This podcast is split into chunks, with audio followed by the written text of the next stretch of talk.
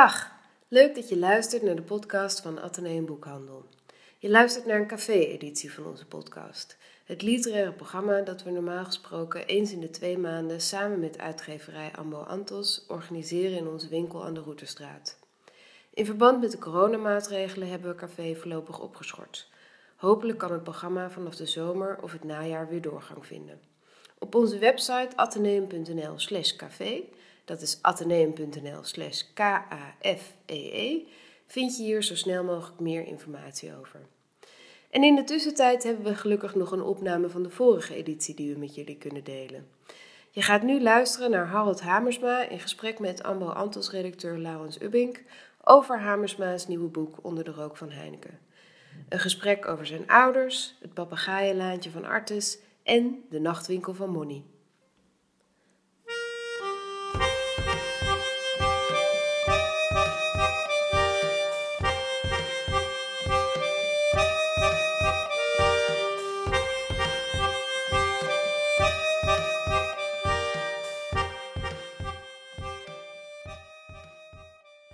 Harold Hamersma, dames en heren, die kennen jullie, denk ik, voor een groot deel van jullie kennen hem. Hij is natuurlijk bekend van de grote Hamersma en de wijnge- wijnreis door mijn lichaam, wijnboeken. eh, maar hij nou, heeft nu een Oh ja. heel ander boek geschreven, namelijk Onder de rook van de, de Heineken, je literaire debuut. En daar gaan we even over praten. Nou, met plezier. Ehm, de- de- het, het boek wat je hebt geschreven, de, de ondertitel van dat boek is Een jeugd in de pijp. Ehm, die jeugd, dat is een jeugd in de jaren 60. We zitten nu in de, in de plantagebuurt. Het werd net al ge- gememoreerd. Ehm, hoe, hoe zag jij die buurt in die tijd? Misschien is het leuk om daarmee mee te beginnen. je bedoelt wat de, pijp, de pijp waar ik ben op, opgegroeid, Nee, of, of de plantage? De plantagebuurt, hoe- Nou, hoe, dat- herinner jij die? nou, dat die? is voor mij helemaal niet zo'n vreemde buurt, omdat ik eigenlijk een de deel, een deel van mijn puberteit hier ook weer heb doorgebracht. Eerst mijn jeugd in de plantage, dat ik met mijn vader, die een zwak had voor papegaaien, moest ik met hem naar Artes. Nou, dat vond je als kind dan wel aardig. Maar dan gingen we, dat zal wel te maken hebben met zijn, eh, dat komt in het eh, onder de rook van de Heineken ook nog wel tevoorschijn. Eh, dat hij natuurlijk van pal na de oorlog zijnde beroepsmarinier was. Dus hij deed het voor geld, maar hij werd dus uitgestuurd naar de politionele acties. Ja, hij was daar. Samen met, ook, zo bleek later, mijn schoonvader. Zo hadden we dus op die verjaardagen altijd wel een babbeltje. Met z'n tweeën in ieder geval. maar eh, hij had een zwak voor papegaaien daar ontwikkeld. Want zijn apie, die mocht hij niet meenemen. Die heeft hij, ach, dit is allemaal zo sneu.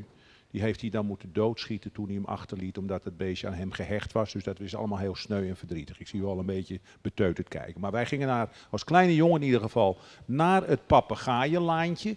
En dan zagen wij en roken wij de kinderboerderij al. We hoorden de, de apen en we hoorden ook de olifant. En mijn broertje en ik, die stonden daar dan in dat papegaaienlaantje met mijn vader een beetje nou gaan we nog ergens naartoe. Maar hij stond daar met die, met die grijskop weet ik veel hoe die beesten allemaal ellendelingen waren het. Eh, hij kwam nooit meer van dat papegaaienlaantje af. Ehm, totdat natuurlijk mijn eh, broertje in zijn vinger werd gebeten, omdat die papegaai dacht dat, dat dat dat duimpje van die peuter een nootje was. En dat is het, dat is het papegaaienlaantje. Dus dat, daar beginnen we al mee in de jonge En dan hebben we het over de, Nou, welk, begin jaren 60? Ja, dan was, ik, dan was ik, ik denk een jaar of zes, zeven. Mijn broertje was dan iets jonger, die was vier. En later in mijn, in mijn, in mijn puberteit ben ik hier, eh, had ik een vriend, een van mijn beste vrienden, die woonde op de Harry Polaklaan. Oh, dat, oh En, ja, en, dat was, en dat was echt iets voor mij. En, eh, ik woonde toen nog steeds eh, in de pijp. En ehm, nou, dat was echt een deftige straat, want die hadden stoepen met aparte huizen en deuren waar één gezin in één huis woonde. En dat was ik totaal niet gewend. We waren bij- bij hem en dan gingen wij heel dronken worden. Dat was de bedoeling, dat we heel dronken gingen worden. Want dat deed je als je zo 14, 15 was, dan moest je heel veel drinken. Maar dat, daarvoor, zag, daarvoor zag, laat ik zeggen, deze postcode die toen nog geen postcode heette. Want dat heette hier gewoon de Routestraat, als ik me niet vergis. Daar had je op de hoek, dat heeft u misschien nog wel meegemaakt, de nachtwinkel, avondwinkel Holland-België. Ja, een fenomeen. Kijk, er zit er toch. Juist, juist. En wie stond daar? Dat was ook een fenomeen. Dat was Money. Money. Kijk, het begint al rond te zingen. Dus die heb ik ook nog meegemaakt. Er zit hier Je hebt Money nog meegemaakt. Ik heb Money nog meegemaakt. En daar want- ging je met je vriend? Nee, ging je daar nou, wij zaten Of in dat hok op die Harry Polaklaan. Dat was, hij was dan 16, we waren 14, 15, 16. En dan wilden wij dronken worden en wel zo goedkoop mogelijk. Dus dan haalden we een beetje centjes op met elkaar en dan gingen we naar Money toe. En bij Money zeiden we van, heb je witte koffie en heb je bruine koffie? En hij verkocht illegaal jenever en vieux. En dan kreeg je dat in donkerbruine zakken mee. Net Zakken? zoals dat zakken, want dat, dat was allemaal niet Ja, ja, toegestaan. ja, ja. Ja, en dan gingen we, naar, eh, gingen we weer naar huis om zo snel mogelijk dronken te worden natuurlijk. Want dat was natuurlijk de bedoeling. En dat, was- was money. money En dat was allemaal in deze buurt? Ja, dat, het is nu natuurlijk onvermijdelijk. En ik denk een, een rechtsdraaiende sappenbar geworden of, of een bagels en beans. ik weet niet precies. Het is nu bagels en beans volgens mij. Dat is een bagels en beans Bagels en beans. Ja. Dus dit is voor mij de plantage. En mijn, een van mijn andere goede vriendjes, die woonde op de hoek van de plantage. De Plantage en de Routestraat. En daar zat toen nog een auto-accessoirewinkel, als ik me niet vergis. Klo- klo- klopt dat? Is nu een Chinees restaurant, als ik me niet Oh, dat. Chinees restaurant. Ja, is ja, nu ja, een Chinees precies. En daar woonde boven. Die jongen had een magische naam. Ik heb hem toen ik hier naartoe ging, ik denk, wat is er toch van hem geworden van Jelle Jelles? Hoe kom Zit je hij aan zo'n de naam? Jelle Jelles. Nee. Ja, hij is nu informatieverstrekker geloof ik voor de gemeente Rotterdam. Het kan misgaan in een mensenleven. Dus hij, is, eh, en hij woonde gewoon. Dus dit, dit, is voor mij de plantage. Dit is een beetje de plantagebuurt. Ja. Nou, u, u hoort natuurlijk allemaal hoe, hoe Harold vertelt. Dat is precies dezelfde verteltoon als in zijn boek. Die niet Ja. over de plantage gaat, maar een beetje. Nou ja, misschien ga ik wel onder, het, onder, de rook van Artis zelf Misschien moet je onder de rook van Artis gaan schrijven. Maar goed, zijn eerste boek Ik was... schrijf nog even door. Je schrijft nog even door. Het was onder de rook van de Heineken. Ehm, een boek over je jeugd. Zo, zo ben je begonnen. Ook wat, wat heeft je een, een hele, nou, als ik, als, ik, als ik het kort zou samenvatten, een, een rijke jeugd. Niet zozeer omdat jullie rijk thuis Nee, zeker niet, maar de- een rijk aan gebeurtenissen. Ehm, het is een, een rijk boek waarin in, wat gaat over vriendjes, over je familie. Natuurlijk een heel mooi portret van je ouders, van je beide ouders in die tijd. Ehm, toen je ging schrijven en nu je het af hebt, hoe, hoe, hoe kijk je erop terug? En hoe, waarom ben je er eigenlijk mee begonnen? Met je Ja, jeugd herinneren? Ja, dus Ging aan het was, dames en heren, het was puur toeval. Het was puur toeval. Ik stond een keertje ooit, ik schreef, ik schrijf, ik ben heel lang reclameschrijver geweest. Dus eh, slagzinnen die u ook allemaal kent, dat ik kon opdreunen. Ik ga er niet aan beginnen, want dan bent u daar straks, ligt u vannacht nog te voelen in bed. Van, oh god, ik wou dat het uit mijn hoofd ging.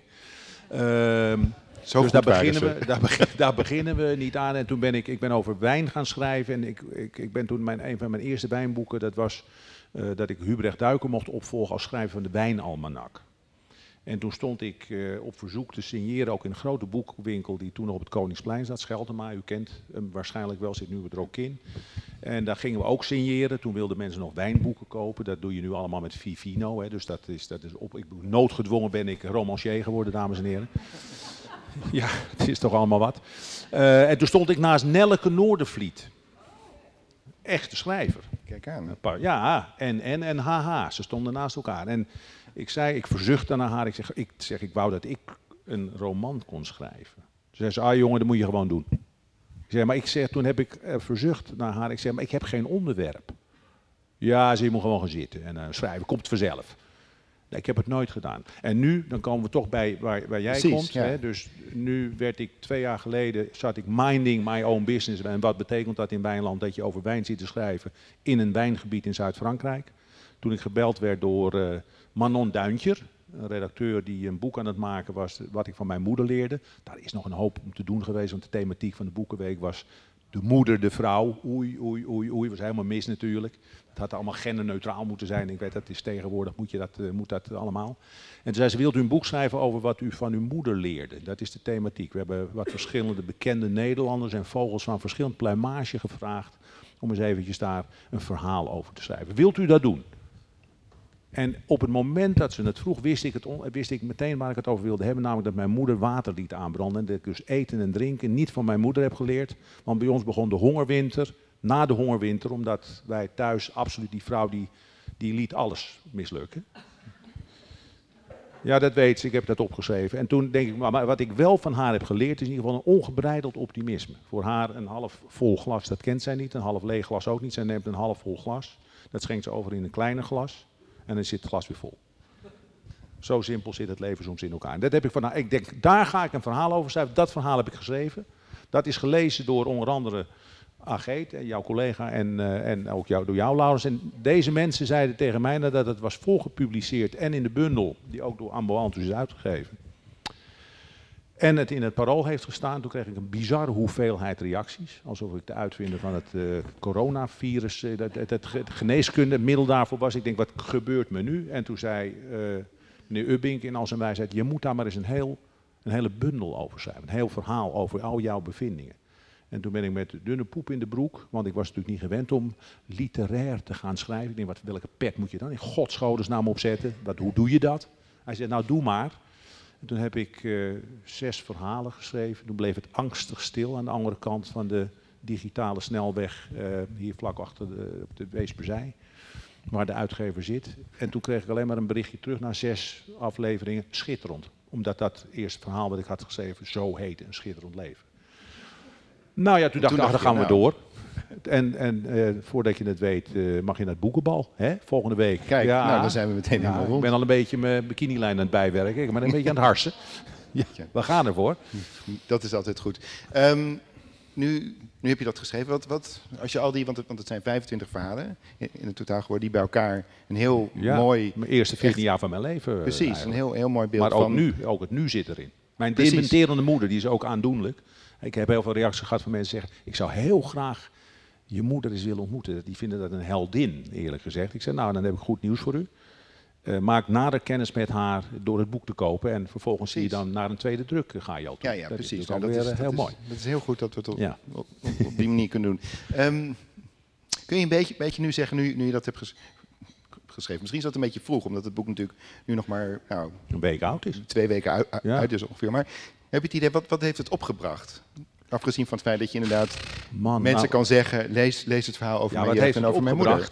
Moet ik dan zeggen dat ik een voorschot van de uitgever heb gehad? Nee, dat Nee, bedoel je niet. Nee, Ja, nee, dat- nee, nee, nee. dat Nee, heb je bij deze de gezegd, geestelijke voor- rijkheid. Precies, wat Nou ja, het ik, zeg, ik zeg een beetje gekscherend, dames en heren, dat ik, dat boek is uit. En om heel eerlijk te zijn, ik heb al 30 boeken geschreven, over wijn alleen. En die, doen het, die hebben het heel goed gedaan. Er zijn er echt honderdduizenden van eh, over de toonbank gegaan. Het droogt nu wat op vanwege Vivino. Dat, is, dat is tot daar maar dat kan me niet zoveel schelen. Dus dat was, maar wat er gebeurde is dat ik schrijf dat boek, dat boek komt uit.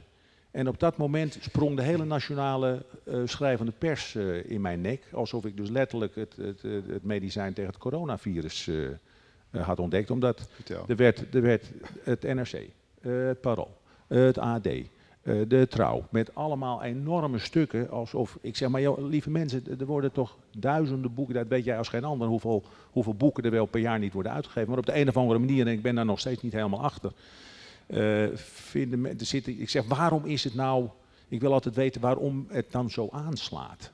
Waarom vinden mensen dat dan zo mooi of zo goed of zo slecht? Ik weet, ik weet het niet, Klaus. Misschien weet jij dat. Jij hebt het, we hebben daarover gesproken. We hebben daarover gesproken, zeker. zeker. Ja, dan Nee, moet goed, je- ik- jij, jij kan het misschien wat het- beter duiden dan ik. Ja.